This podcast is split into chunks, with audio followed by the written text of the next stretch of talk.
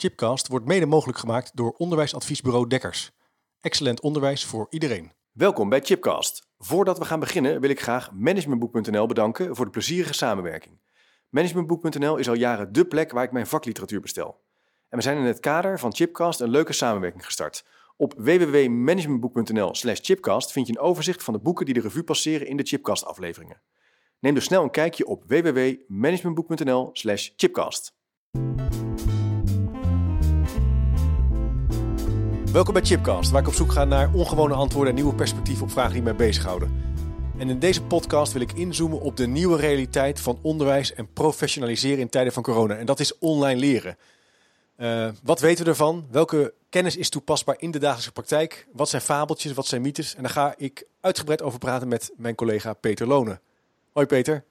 Dag Chip. Ja, doen we ook digitaal natuurlijk, hè? Want ja, het gaat over digitaal onderwijs. Ja, we zijn er helemaal op uh, ingericht inmiddels. Ja, dat is niet. Ja, je hebt er eerder een, uh, onder andere een webinar over uh, gehouden, waar heel veel animo voor was. En je weet er ook best wat van. Je hebt er een soort mini-studie naar gedaan. Dus ja, ik dacht, ja, daar moeten we over hebben. Ja, ook een beetje noodgedwongen natuurlijk heb ik daar wat studie naar gedaan. Ja. Omdat al onze onderwijskundige adviezen die we gegeven hebben, in één keer op, op een andere manier bij de mensen moeten komen. Ja, ja, precies. Want dat is even nog wel relevant voor degene die jou niet kennen. Jij bent uh, directeur van onderwijsadviesbureau Dekkers. En dat heeft het motto van excellent onderwijs voor iedereen. En jullie helpen onderwijsinstellingen, uh, met name MBO en HBO, met vraagstukken die gaan over curriculumontwerp, over training, professionaliseren, uh, managementontwikkeling. Ja. Ook een stuk interim begeleiding. En, en, en, en al zijn sinds het begin van de podcast ook ja, uh, werken wij samen, hè? sponsor of hoe je het wil noemen. Nu wordt het steeds nauwer. We gaan een aantal hele leuke dingen doen in dit nieuwe jaar. Ja. Maar jij komt dus op allerlei scholen uh, in, in het beroepsonderwijs. Dus ja, jij kent die context. Maar ja, nu moeten we in één keer online.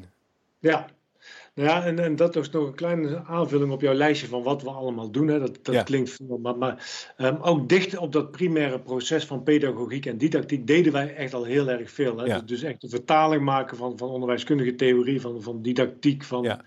methodieken. Nou, wat betekent dat in de klas? Ja. Ja, en, en die slag naar online, die, die is natuurlijk nu heel erg in een versnelling gekomen. Ja, ja het is enorm. Maar ik, ik, op Twitter zag ik iemand die zei van ja, maar zou je niet kunnen zeggen dat uh, als je goed onderwijs geeft in de klas, dan geef je goed onderwijs online. Als je slecht onderwijs geeft in de klas, ja, dan geef je misschien ook slecht onderwijs online. Is dat ja. zo simpel te maken of zeg je, is er wel meer aan de hand? Nou, de, de, ook uit die wetenschap, hè, van, van, wat zeggen die bronnen nou, uh, blijkt dat eigenlijk wel. Ah, um, ja. Het is niet helemaal één op één.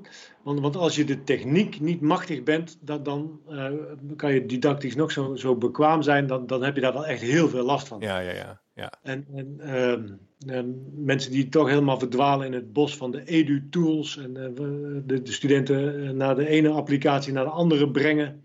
En daarmee het doel uit het oog verliezen. Ja. Dan kun je ook kunnen, zou je ook kunnen zeggen, ja, hoe didactisch bekwaam zijn die dan eigenlijk? Ja. Maar, maar eigenlijk blijkt uit dat wetenschappelijk onderzoek wel dat, dat het medium wat je gebruikt, of dat je dat nou in de klas doet of online, dat is niet van doorslaggevend belang. Ja, jouw didactiek, je structuur, je pedagogische context is vele malen belangrijker dan of dat dat online is of niet online is. Ah, kijk, dus je redt het niet met, zoals in het begin van de coronatijdperk waren er van die lijstjes, hè, 100 tools, 50 apps. Dat gaat, dat gaat hem niet worden. Er is meer nodig. Nee. Ja, het, ja. het, doel voor de tool. Dat, dat is, ja, dit is zo'n prachtige one-liner waar je in de klas eigenlijk ja. niks mee kunt. Nee. Maar, maar, maar, maar, ja, omdat het zo'n cliché is, is het natuurlijk ook wel waar. Um, wat is precies het doel dat je wil dat je studenten leren en, ja. en daar goed over nadenken. Ja. En online is het wel allemaal wat, wat, wat zichtbaarder. Je bent wat minder flexibel dan in de klas. Er valt wat minder te repareren als je uh, je werkvorm niet helemaal uit de voeten uh, komt. Hè. Dus, dus, waar zijn dan je studenten precies gebleven? Hoe krijg je met zo'n groepje weer contact? Ja. En, en, in de klas loop je even de gang op als ze daar aan het werk zijn. En je zegt, jongens, kom even naar binnen, want we hebben nog wat instructie nodig. Ja. Dat, dat is online allemaal wat lastiger. Ja, precies. Dus, dus, ja, precies. Dus de bijsturing die je normaal makkelijker kan doen in de klas, die heb je niet uh, nu je online zit. Dus daar moet je iets voor verzinnen. Ja, en, en um, we krijgen natuurlijk die, die breakout rooms en zo ook allemaal steeds beter onder de knie. Dus, ja. dus het wordt allemaal wel wat makkelijker en beter. En ik hoor zelfs mensen al zeggen, ja, maar het is eigenlijk veel makkelijker. Want nu zijn ze echt allemaal op hetzelfde moment terug. als ik de, de, de, de uh, subruimte sluit, dan zijn die studenten weer terug bij mij. Ja. Maar, maar dat, dat, is natuurlijk in de loop van het jaar hebben we dat geleerd met elkaar. De, de, term breakout rooms, daar had in, februari 2020 nog niemand van gehoord. Nee, nee, nee, inderdaad. Dat is nu dat is helemaal onderdeel van ons DNA bijna. Hey, En uh, in, die, in, in die webinar heb je het onder andere ook gehad over ruisonderdrukking. Dus, ik heb dat, ja. dus dat vond ik wel een interessant woord. Misschien wel het woord van het jaar nu al, ruisonderdrukking. Wat kan je daar iets meer over zeggen? Ja, ik, ik, probeer in die webinars die, we iedere woensdag live doen, om kwart voor ochtends, ook altijd zo'n tip even mee te geven aan de mensen. En, en dit was een, een, hele handige tip. In MS Teams heb je een instelling om, om uh, ruis te onderdrukken. Je hebt er, ook aparte uh, programma's voor. Crisp is, is zo'n programmaatje. Wat je kunt gebruiken, dat, dat zeg maar als mensen zitten te typen of met een zakje ritselen of, of er rijdt een auto voorbij juist al die bijgeluiden waar je zo vermoeid bent, uh, door bent aan het eind van de dag, die onderdruk je daarmee. Oh, handig. Nou, dat kunnen we wel. Ik, want toevallig was ik. Ja. ja, want ik was gisteren, uh, waren mijn kinderen in, in het thuisonderwijs. En toen zat onze oudste in een uh, hangout groep met 30 kinderen om een soort weekstart en even gezellig te kletsen. Ja. Maar er was zoveel lawaai. Uh, dat ik op een gegeven moment zei, nou ga er maar uit. Want dit is, ja, als ouder, hè, ik, raakte ik even de tel kwijt. En later kreeg ik een reprimande van de leerkracht, misschien ook wel terecht. Maar, uh, dus je kan dat wel uitzetten. En dat kan je dus wel, ja, ja dat helpt wel. Ja, maar of dat die, dat die een groep van 30 kinderen uh, ook onderdrukt, dat waag ik te betwijfelen. Ja, ja dat is denk te veel. Dat iets te veel gevraagd ja, is. Ja, maar goed, wel een praktische tip. Je kan dus het geluid, de omgevingsgeluiden reduceren. Ja. Maar jij zei net al even in de introductie, er zijn niet zo makkelijk, er zijn niet eenvoudige oplossingen. Die, je didactisch plan en je je pedagogische visie, die staan eigenlijk in het hart van wat je wil bereiken. Kan je toch iets zeggen over wat we nou weten wat effectief is in die online wereld? Um, ja, de, en de, dat, dat zijn toch ook een stuk van die, die uh, basale didactische um, um, gebruiken. Dat, dat je je doel heel scherp voor ogen hebt. Ja. Dat je precies een werkvorm hebt. Hè, dus het constructive alignment, om een moeilijk woord te gebruiken. Dus wat zijn mijn doelen? Wat zijn mijn onderwijsactiviteiten en hoe ga ik dat toetsen? Dat, dat je dat heel duidelijk met elkaar in verbinding brengt. Ja. En ook voor studenten inzichtelijk maakt. Hè? Want, want vaak is het wel al in de mindset van de docent, die weet precies waarom die welke onderwijsactiviteit bij welk leerdoel en bij welk toetsdoel heeft. Voor de studenten is dat uh, chaos. En structuur blijkt een van de allerbelangrijkste uh, aspecten van, ah. van succesvol online onderwijs te zijn. Hè? De extreme duidelijkheid. Extreme duidelijkheid. Extreem, ja, de, de, dus um, um, zorgen dat die student weet um, waar je op dit moment mee bezig bent, hoe dat, dat past in het grotere plaatje. Ja. Wat is de vervolgstap? Waar krijg ik hulp? En, waar, en wanneer krijg ik extra feedback? Hè? Dus, dus eigenlijk als je die, ja, het, het zijn wat, wat eenvoudige vragen, maar waarop ja. elk moment kunt beantwoorden voor de student. Dus waar ben ik nu? Waar past het in het grote plaatje? Waar kan ik en wanneer krijg ik hulp? Waar en wanneer krijg ik feedback? Ja. ja dat zijn eigenlijk de, de, de hoofdonderwerpen die je, die je uh, moet, moet kunnen beantwoorden. Um, en, en wat daar vooraf gaat, is de voorwaardelijkheid dat je studenten toegang hebben tot internet, een goede wifi-verbinding, ja. uh, uh, een microfoon. En, en dat is zeker voor de kwetsbaardere groep, of de groep die het wat lastiger heeft om toegang te hebben tot, tot het onderwijs. Um, vind ik het wel belangrijk dat je daar ook als opleiding, als school, veel aandacht voor hebt om dat toch te faciliteren. Ja, dat zou, je zou kunnen zeggen dat zijn echt de randvoorwaarden. Dus dat betekent dat je gewoon vooraf checkt bij iedereen van, ja, wat voor device heb je eigenlijk in huis? Ja. Uh, waar zit je? Ja, het klinkt een beetje kinderachtig, maar dat ligt natuurlijk ook aan wat de leeftijd is van, van studenten. Als je, als je 22 bent en je, bent, uh, je werkt en leert, en je bent wat serieuzer met je opleiding bezig, heb je dat misschien wel op orde. Maar als je 17 bent, dan zou het misschien, ja, oh, jij, jij twijfelt ja, al. Het is misschien voor iedereen ja, belangrijk. Ik, ja, ik, ik, sprak deze week nog een student. Ik ben, ben nu met wat interviewtjes ook met studenten bezig om, om te kijken van wat is hun belevingswereld. Ja. En er was een student met een niet-Nederlandse achtergrond, uh, um, heel gemotiveerd om, om, hier een beroepsopleiding te doen in het MBO. Uh, maar, maar, die geeft wel aan van, van uh, een rustige werkomgeving is voor mij essentieel. Ja. Want de taal gaat al zo snel dat ik al mijn concentratie en focus moet ja. hebben om het te kunnen volgen. Ja. Er was toch een student die, die, die nou, ik denk heel gemotiveerd is en, en een volwassen leeftijd heb, heeft bereikt dat je verwacht dat, dat ze dat aan zou kunnen. Ja. Uh, maar, maar, de vanzelfsprekendheid, uh, ja, dat, dat, verbaast mij. of niet verbaast mij, maar, maar dat treft mij dan ook soms. Dat ik denk van ja, daar, daar kunnen wij als onderwijsorganisaties heel veel meer aan doen om het makkelijker te maken voor de studenten. Ja, ik denk dat dat. Overal waar we het makkelijker kunnen maken, moeten we dat vooral ook doen, denk ik. Nee, maar ik herken dat helemaal. Uh, ook als ouder van drie kinderen die nu thuisonderwijs uh, genieten, uh, die hebben een tablet. En ik kom er eigenlijk geleidelijk aan achter dat dat helemaal niet zo handig is als je moet rekenen of moet spellen. Want dan zit je op dat ding te toetsen en dat verdraait en zo. Maar ja, dan moet ik weer een nieuwe laptop kopen. Dat kan natuurlijk. Dat, dus dat speelt. Maar het andere punt wat jij daarvoor noemde, van extreme duidelijkheid in wat je verwacht. Ik kan me ook voorstellen dat je dat, dat risico loop je natuurlijk ook al wel in de klas. Dat je te veel gaat vertellen, te veel gaat uitleggen. Dat studenten eigenlijk een beetje de draad kwijtraken. Dat is misschien nog wel belangrijker als je online met elkaar werkt. Ja, ja, en, en daarmee is ook dat het, de inhoud van, van uh, het concept wat je, of het de theorie of, of het, het, het, praktische voorbeeld wat je wil uitleggen. En het proces van hoe begeleiden we die studenten daardoor. Ja. Dat, dat moet je goed met elkaar in evenwicht hebben. Ja. En, en ik bedoel die extreme duidelijkheid vooral op het proces. Ja.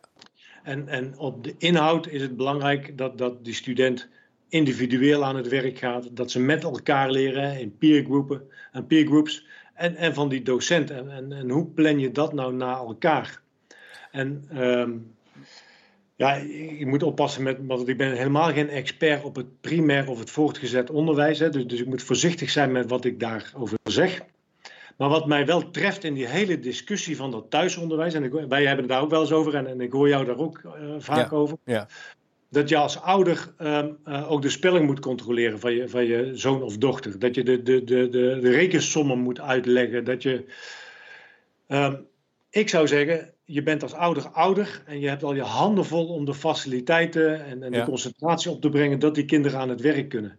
En ik vind het dus ook in dat proces van extreme duidelijkheid aan die leerkrachten, op basisschool, maar ook in het HBO, dat dat de, de taak van de leerkracht van de docent is om, om tijdig uh, hulp te bieden, om feedback te, uh, te bieden, om de dagschema uh, te organiseren en te structureren. Wanneer hebben we een instructiemoment? Wanneer heb je zelf oefentijd? Wanneer hebben we feedback? En, ja. en, nou, ik denk dat het heel belangrijk is. Ik, ik, ik herken het in het, in het PO, maar ik zie het, ik hoor het ook om me heen in, in de leerkrachten en docenten die ik spreek. het vraagt heel veel van de, van de student om mee te gaan in zo'n uur of in twee uur zelfs. En dat vraagt eigenlijk een, een best wel uitgebreide voorbereiding. Dus je ontwerp van je les is misschien nog is altijd belangrijk. Dus dat is natuurlijk altijd cruciaal. Hoe ga je het aanpakken? Denk je daar überhaupt over na? Maar dat is nog wel belangrijker. Eerder hebben we in de podcast de gast gehad Laura van den Oude, die uh, specialist is als het gaat over trainen. En die ja. zegt eigenlijk, ja, in die online wereld moet je om de vijf à zeven minuten is ongeveer de, de, grond, de, de, de regel. Ik weet niet of ik het wetenschappelijk kan onderbouwen. Maar zij zegt in mijn praktijk, vijf tot zeven minuten, moet je ja. iets doen met interactie of met terugvragen of met checken of met gipschecken. Ja, ja, ja. ja. Nou, je hebt Paul Kirchner ook e-, eerder uh, in de podcast gehad. Ja. Die heeft het heel duidelijk over blokken. Als je als docent instructie geeft van 15, max 20 minuten uh, geef je instructie, ben je aan het woord of leg je iets uit. Ja. Um, Um, René Knijber heeft een, een, vragenlijst of een artikel is gedeeld, ook in jouw podcast geweest. Die, die zegt van nou 50% van je instructietijd moet ongeveer zijn aan het formatief evalueren, aan het vragen stellen, bevragen ja. van je studenten. En dat zijn allemaal geen formele toetsen, maar wel heel erg die interactie. Hè? Interactie nee, ook, blijkt ook uit al dat wetenschappelijk onderzoek. Dat, uh, interactie is een hele belangrijke factor ja, om de betrokkenheid en de motivatie hoger te houden en, en, het risico op uitval en, en motivatiedips daarmee te, te, te, verkleinen. En ik vind het een mooie richtlijn om te denken van nou, 50%. laat ik proberen om 50% van mijn tijd uh, vragend, uh, op welke manier dan ook, met de studenten bezig te zijn. Ja. Nou, eerder hebben we natuurlijk uh, het ook over rekenen gehad op de basisschool en over begripsvorming, onder andere met Dominique Sluismans. Ook die zei ook van ja, je, hoeft niet te, je hoeft niet te vragen van wie heeft het goed, uh, maar je kan bijvoorbeeld vragen, nou schrijf het antwoord op een, uh, op een, uh, op een klein bordje en houd het in de lucht. Of, ja. of op, ja. in de chat, hè. geef even het antwoord of geef even ja. wat sleutelwoorden. Maar jij zet eigenlijk begripschecken, checken waar je bent in het leerproces, eigenlijk constant proberen te doen. Ja, voorkennis okay. activeren. Um, um, de studenten krijgen daarmee ook inzicht hoe ver ze zelf staan in dat leerproces. Ja. Het houdt ze alert bij de criteria die je helemaal aan het eind van het, van het blok zou willen ja. toetsen of, of, willen meten. Ik heb er nog een uh, vraag over, want over die extreme duidelijkheid. Hoe, uh, zou jij, hoe, doe je, hoe kan je dat doen in een online? Zou je als het ware op het bord of digitaal dat als het ware steeds zichtbaar willen maken? Of op een van je slides? heb je daar nog tips voor als je daar nu naar luistert en denkt, ja, hoe kan ik het eigenlijk aanpakken? Ehm, ja, daar zitten twee aspecten aan. Ik zou dat graag in beeld hebben. Van, van, ja. Ehm, dus, dus op de slide steeds eh, een klein beetje of onder in beeld of boven in beeld van uh, het volgende onderwerp komt er zo aan. En ik, ik kijk altijd heel erg naar televisieprogramma's, hoe dat zij de aandacht vasthouden. Hè. Dus, um, zij beginnen een, een, onderwerp en zeggen straks in dit programma komt er dit. Dus een soort advanced organizer. Het nadeel van als je dat online doet of, of in beeld brengt, hè, dat, dat, je die, die uh, dual channel theorie en, en dat uh, cognitive overload, dat je te veel informatie in beeld en geluid uh, zendt. Waardoor mensen ook de weg kwijtraken. Dus dan, dan is het misschien prettiger om, om die slide met het programma met enige regelmaat even terug te laten komen. Ja. Om ook die herhaling te laten zien. En, en uh, nou, ik, ik vind, als je die, die talkshows op tv ziet, hoe vaak dat daar herhaling in zit. Ik denk dat we in het onderwijs, overigens ook uit de wetenschap, de, de voldoende herhaling is een, een, belangrijke factor. Dat we nog veel te weinig herhalen. En dat heeft ook met die duidelijkheid te maken. Ja. Dus je dus creëert, ja, precies, je creëert ook duidelijkheid door dat op gezette momenten terug te laten komen.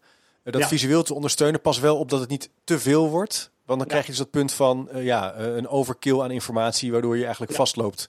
En niet meer echt kan leren. Ja. ja. ja. En die dual, kan je iets meer zeggen over die dual channel theorie? Nou ja, ehm, dat is het idee dat we eh, twee kanalen hebben die, die ons, ons sensorisch geheugen, het werkgeheugen voeden. Het, het kanaal van de beelden, dus de plaatjes en, en, en de letters die, die we zien. En, en het uh, auditieve systeem, hè, dus wat we horen. En dat zijn twee kanalen die, als het goed is, elkaar versterken. Hm. Dus hetgeen wat wij nu vertellen, dat zou je met een plaatje kunnen ondersteunen. Dus, dus je brengt dat duo channel, uh, dual channel in, in, beeld met een plaatje. Maar dan zet je er weer geen woorden bij. Maar als je er dan weer woorden bij gaat zetten, dan heb je twee beeldende kanalen en één auditief kanaal. En, en dat is eigenlijk te veel om dat, voor dat werkgeheugen om dat allemaal tegelijkertijd te kunnen verwerken. Dus je hebt een plaatje en tekst. Um, uh, als er geschreven tekst bij staat, dan hou je even je mond zodat de mensen de geschreven tekst kunnen lezen. En dan kan je dat nog toelichten. Of je hebt een plaatje met gesproken tekst, zodat het beeld en het geluid elkaar versterken. En dan is de kans dat het uh, een haakje vindt in het lange termijn geheugen wordt dan groter. Interessant. Zo kan je dus eigenlijk aan die kapstokken hangen van wat je al weet. Uh, dus dus dit, hier komt ook naar voren dat idee van uh, een PowerPoint voorlezen is nog niet hetzelfde als leren. Nee, precies. Nee, nee. dus wat dat zou je kunnen denken, dat heb ik ook wel eens bij colleges in het begin van die online periode. Ja, ging, ging ik gewoon ja, PowerPoint nog verder uitwerken. Ja. Maar ik ontdekte op een gegeven moment ook, ja, dat, dat werkt ook niet helemaal. Uh, na een uur ben je ook wel uitgepraat. Ja, dus ja en de, de gewetensvraag ook, waarom heb je de PowerPoint? Is dat omdat jij jezelf een geheugensteuntje nodig hebt om je verhaal aan op te hangen? Of is het informatief voor degene die leert? Ja.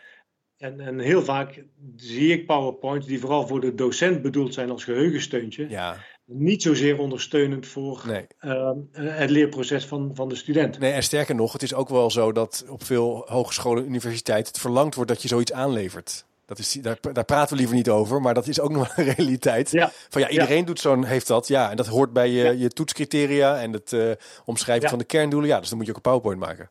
Maar jij, jij zegt eigenlijk van, uh, bedenk even opnieuw, wat is het doel?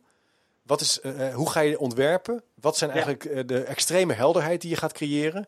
In, in, vanaf vanaf begripschecken tot aan instructie, tot aan interactie. En zo moet je eigenlijk kijken naar je online moment. Ja. Okay. ja, eigenlijk het, het, hele cognitieve schema van hoe leren mensen, hè, van, van het sensorische geheugen, werkgeheugen naar lange termijn geheugen. Dus, dus het coderen van die informatie, het weer opslaan, ja. ophalen van die informatie. Dat, ja, dat, dat wordt belangrijker om, om je daar uh, weer, weer toe te verhouden. Ja. En vervolgens ook de zelfwerkzaamheid. Dat studenten in andere contexten en op andere manieren daar zelfstandig mee aan de slag kunnen gaan. Hè. Ook die autonomie en, en die, die realistische context. Um, er is natuurlijk wat, wat discussie af en toe, en dat hoor ik ook wel eens in de podcast terug, tussen de cognitivisten en de sociaal-constructivisten. Ja. En, en ik zou een heel warm pleitbezorger zijn voor de radicale middenweg daartussen. Hè. Gebruik het cognitivisme op het moment dat er nieuwe kennis, nieuwe vaardigheden aangeleerd moeten worden, als dat cognitieve schema gebouwd moet worden. En zorgen dat studenten leniger worden met, met die cognitieve schema's, met die vaardigheden. Door heel veel toepassingen in, in een realistische praktijk ja. te vragen en succeservaringen op te doen. Dus, dus volgens mij ja, ik zie nooit zo die discussie. Volgens mij moet je dat vooral uh, nee, ik denk dat dat sterk ook, inzetten. Nee, maar ik denk dat dat ook die discussie ook mogelijk minder sterk hoeft te zijn in het uh, beroepsonderwijs of op de universiteit. Of zelfs, uh, want ja, daar wil je natuurlijk ook kennis maken met het werkveld en met het beroep. Je wil aan de hand van vraagstukken aan de slag gaan. Ja. En daar kan je dus juist heel goed met elkaar, en dat is vaak ook ontzettend leuk, in kleinere groepen uitwisselen, een casus bespreken of een opdracht invullen. Ja. Ehm, maar is het nou zo dat je in die online wereld uh, meer uh, werk moet besteden aan die opdrachten die je groepjes geeft? Denk jij? Of zeg je van nou, dat moet eigenlijk altijd wel zo zijn?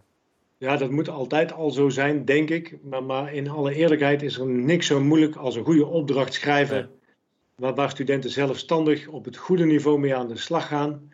Um, ja, ik denk dat dat een heel erg onderschat onderdeel is van, van het onderwijsproces. Ja. Om een, een, mooie opdracht te maken waar, waar ze echt veel leerervaring uit opdoen dat, dat is echt hartstikke moeilijk. En, en iedereen die dat een keer gedaan heeft en, en dat gepland heeft en dan teleurgesteld is in het resultaat waar de studenten mee terugkomen. Um, ja, die reflex om dat, dat bij de studenten te leggen van ze hebben te weinig gedaan. Ik denk altijd van ik heb die opdracht dus blijkbaar niet goed geformuleerd.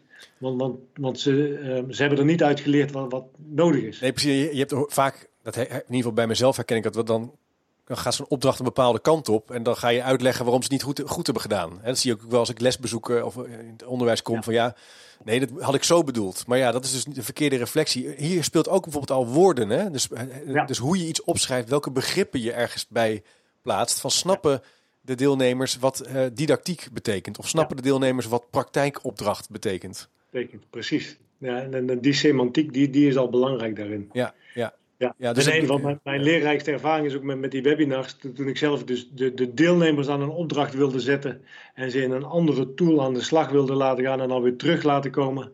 Nou, dat mislukte volledig. En toen had ik er echt over nagedacht met, met een aantal mensen. Eh, hoeveel voorbereidingstijd kun je hebben? Ja. Eh, toch met, met mooie doelen. En, en, maar het mislukte volledig. Nou ja. Ja, ja ik heb ook wel eens het idee, maar ik weet die, die luxe die luxe heb je natuurlijk niet altijd. Dat het online ook heel fijn is om met z'n tweeën te doen. Hè? Dat je elkaar kan helpen. Uh, van, uh, Want uh, soms zit je er zo in inhoudelijk dat je even iemand nodig hebt die dat dan kan faciliteren. Ja, nou ja, maar dat ook modereren voor elkaar. Hè. Wie, zeker als je met grote groepen studenten werkt, dat we in het HBO nog wel eens hebben hoe fijn is het dan om een andere docent ernaast te hebben die de chat voor je bijhoudt en de vragen doorspeelt als dat nodig is. Dat is echt wel belangrijk, ja. Het kan misschien niet altijd, maar, maar het geeft wel heel veel rust en structuur gewoon in, in, in een goed online college bijvoorbeeld. Ja. Ja, absoluut. En daar wordt natuurlijk ook veel naar, daar kan ook herhaaldelijk naar worden gekeken. Dus die investering is het ook wel waard. Hey, en die, uh, het Stark-model, um, kan je daar nog iets over zeggen? Um, als je wil, want je, eh, dat ging over interactie tussen deelnemers. Is dat belangrijk voor de motivatie? En toen heb je iets gezegd over dat Stark-model. Is dat iets wat jij nog belangrijk vindt? Of zeg je van nou, die kunnen we overslaan? nee, dat, dat, um, dus uh, welke situatie, welke taak, welke activiteit. Um, dat, dat is een handig hulpmiddel om de studenten te laten reflecteren. Ah, oké, ja, ja. Dus ik neem aan dat je dat model. Ja, ja, ja, ja, ja, ja, ja. De, de situatie, taak, activiteit, resultaten. Wat, wat heeft dat allemaal opgeleverd? Ja. En, en um, um, nou ja, dat geeft reflectie is toch een hele belangrijke vorm ook van, van leren, waar we uh, ook in de afronding nog wel eens wat te weinig aandacht aan besteden. Um, en, en, en, we vallen natuurlijk over elkaar met, met afkortingen. Want, want uh, waar ik in veel webinars ook al aandacht aan heb besteed, is het, het, het, het SCARF-model van, van uh, ja. Status, certainty, autonomie, relatedness, hè, dus, dus, al dat soort factoren, dat, dat ook in die reflectie die student toch eigen keuzevrijheid heeft, eigen richting kan bepalen en wat, wat regie op zijn eigen leerproces heeft. Dat stimuleert natuurlijk wel heel erg om die motivatie uh, te bevorderen. Maar en je zegt dus het is belangrijk in dat online leren, dat weten we wel uit de wetenschap, om, om daarna dan te reflecteren op het proces. Om terug te kijken en even uh, aan de hand. Dus zo'n model is een kapstok eigenlijk om het reflectieproces aan te jagen. Dat mag dit model zijn, dat Stark-model, maar dat kan ook iets anders zijn. Wat je als opleiding belangrijk vindt. Het over het eind van het leerproces, uh, maar ik zou dat zo vroeg mogelijk in het leerproces willen brengen. Dus niet alleen aan het eind, maar, maar op heel veel momenten in dat leerproces. Um, um, juist ook die reflectie in te brengen en bij te sturen en feedback te geven. Ehm, zodat dat de student ook, ook sneller weet waar nieuwe uitdagingen liggen, waar nieuwe manieren van leren te vinden zijn, zodat we daar ook op aan kunnen sluiten. Ja, ja. Hey, en uh, nou is het natuurlijk, te vandaag de dag gaat het uh, ook veel over elk unieke student, het verschil tussen studenten. Sommige studenten hebben extra instructie nodig, verlengde instructie, als je het meer op de basisschool VO zou hebben. Ja. Hoe kan je daar nou grip op krijgen in die online lessen? Doe je dat op dezelfde manier als je ze live zou zien, of zijn er nog andere uitgangspunten voor? Um, nou ja, je hebt natuurlijk veel meer data over je studenten. Dus je kunt ook zien hoe vaak zijn ze ingelogd, hoe lang zijn ze ingelogd. Oh Hebben ze het filmpje tot het eind bekeken? Als je daar wat handig in bent, kun je die data natuurlijk ook gebruiken voor je formatieve evaluatie. Ja. Um, het gewoon bevragen van je studenten, waar we het net over hadden, is natuurlijk een hele goede manier om te kijken van hebben ze het begrepen. Ja.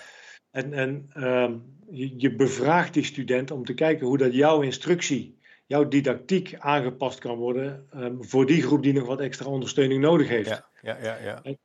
En, en we zijn wel wat geneigd om, om um, en, en, zeker in het beroepsonderwijs, dat het de eerste keer goed moet zijn. Ja. En, en, dat verbaast mij soms in het onderwijs, dat, dat die studenten niet de mogelijkheid krijgen om een eerste concept te maken, een tweede concept, een derde concept, veel feedback krijgen van elkaar.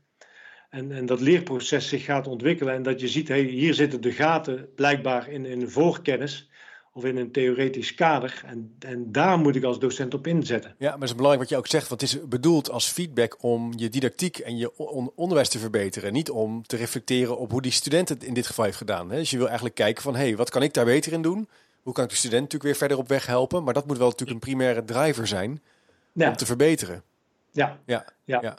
En, en, en, en ehm, eh, ja, het onderwijs, eh, wat je daar ook van vindt, is toch nog altijd wel een, vrij groepsgewijze ehm, aanpak. Ja. dus, dus om dat echt helemaal te individualiseren en te personaliseren, ja, dat, daar kun je wel stappen in zetten. En, en, en waar dat nodig is, moet je dat ook doen. En wat heeft deze student van mij nu nodig? Ehm, maar, maar heel vaak is wat die ene student nodig heeft, ook hetgeen wat zijn buurman en buurvrouw nodig hebben. Dus dan kun je daar toch weer wel, ook, ook, om je eigen werkdruk wat, wat te verminderen als docent. Dus ook het welzijn van die docent is wel heel belangrijk daarin. Ja, wat ik hier aan ook... Clusteren. Ja, je kan clusteren en wat, dus tegenwoordig mag je het bijna niet meer zeggen, maar er bestaat natuurlijk wel zoiets als een gemiddelde student. Dus we kunnen best wel, als je, ja, als je 30 studenten hebt, ik denk dat je wel degelijk kan zeggen, nou, gemiddeld gezien is dit even wat, we, wat voor iedereen geldend is. Dat, dat mag tegenwoordig helemaal niet meer. In de zin van, nee, maar elke student is uniek. Dat is natuurlijk ook wel zo, maar er zijn heel veel dingen, als je het hebt over kennisoverdracht, waar je dan wel een gemeenschappelijke, uh, aantal gemeenschappelijke conclusies uit kan halen. Hey, en dan heb ik nog een vervolgvraag, of eigenlijk nog twee vragen um, van luisteraars. Vincent Grit zegt, um, ja, ik ben er wel benieuwd of uh, Peter tips heeft wat betreft het inrichten van een elektronische leeromgeving. Daar gaan we. Ja, daar heb je vast wel mee. Hè? Want ja, ik, het frustreert me ook wel een beetje, zegt hij. Eh, als student dan is het een soort databank. Maar ja, ik herken dat zelf ook. Dan is het een databank, maar niet interactief. Het is niet bedoeld om te leren. Nee. Ehm, ja, misschien is het dat dan ook wel. Of zeg je van nou, ik heb er nog wel wat ideeën bij. Ja, ik, ik heb daar wel ideeën bij. Um, um, en, en wat ik daarin in, uh, les is morgen. Dus, dus hoe simpeler, hoe beter ook eigenlijk daar weer in. Want ik heb, ik heb leeromgevingen gezien waarin heel video-interactie en sociale platformen. En het was heel uitgebreid en je kunt het allemaal heel makkelijk toevoegen. En het wordt nooit gebruikt. Nee. Um, en, en, maar misschien het allerbelangrijkste is wel dat, dat scholen een keuze maken. En niet zozeer in, in, in, in hoe de inrichting is, maar maak een keuze. Want we gebruiken nou Blackboard, en Canvas en, en Brightspace en, en, Teams en Google Hangouts. Ja. Alles door elkaar. Ja. En, en, en, Vier, vijf applicaties, hè, is heel normaal. Ja. ja, maar gebruik dan één applicatie en gebruik dat op de goede manier. Ja.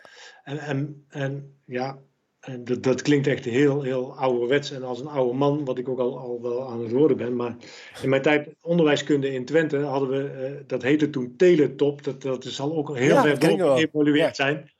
Maar dat, dat had gewoon een structuur van wat moet je voor de les doen, of voor de bijeenkomst, wat doen we tijdens de bijeenkomst, wat doen we na en de inleverknop. Ja. En, en het geheim zat erin dat we binnen een uur of twee uur feedback hadden van de docent. En ik denk dat dat een hele belangrijke is. Ja, precies. Maar we zijn ook wel aan het wegbewegen van dit soort uitgangspunten naar uh, deel je ervaring. Ik zie het ook bij, bij mijn kinderen van nou maak een mooie tekening en uh, plaats dat op een of ander bord. En dan gaat iedereen naar. En wat mij opvalt is dat doen maar een aantal kinderen. vaak van de, nu in deze tijd, in ieder geval op onze school, en ik denk dat het een heel gemiddeld schooltje is, toch de ouders die daar gewoon enthousiast over zijn, maar heel veel natuurlijk ook niet. En dat gaat niet echt over het leren, het gaat meer over het delen. En scholen willen nog wel eens verwarren dat delen is niet hetzelfde als leren. Eh, dus hierin zou je daar ook nog naar kunnen. Oké, dus dat vind ik wel een interessante, interessant uitgangspunt. Les is more. Ehm, wat mij betreft, laatste vraag. Uh, ook gelet op de tijd hebben. Uh, Martin Bootsma. Uh, die is actief op Twitter. heeft natuurlijk een aantal hele mooie boeken geschreven. Wat als we nou gewoon weer onderwijs gaan geven. Ook nu voor het VO. Echt een, ja. echt een aanrader.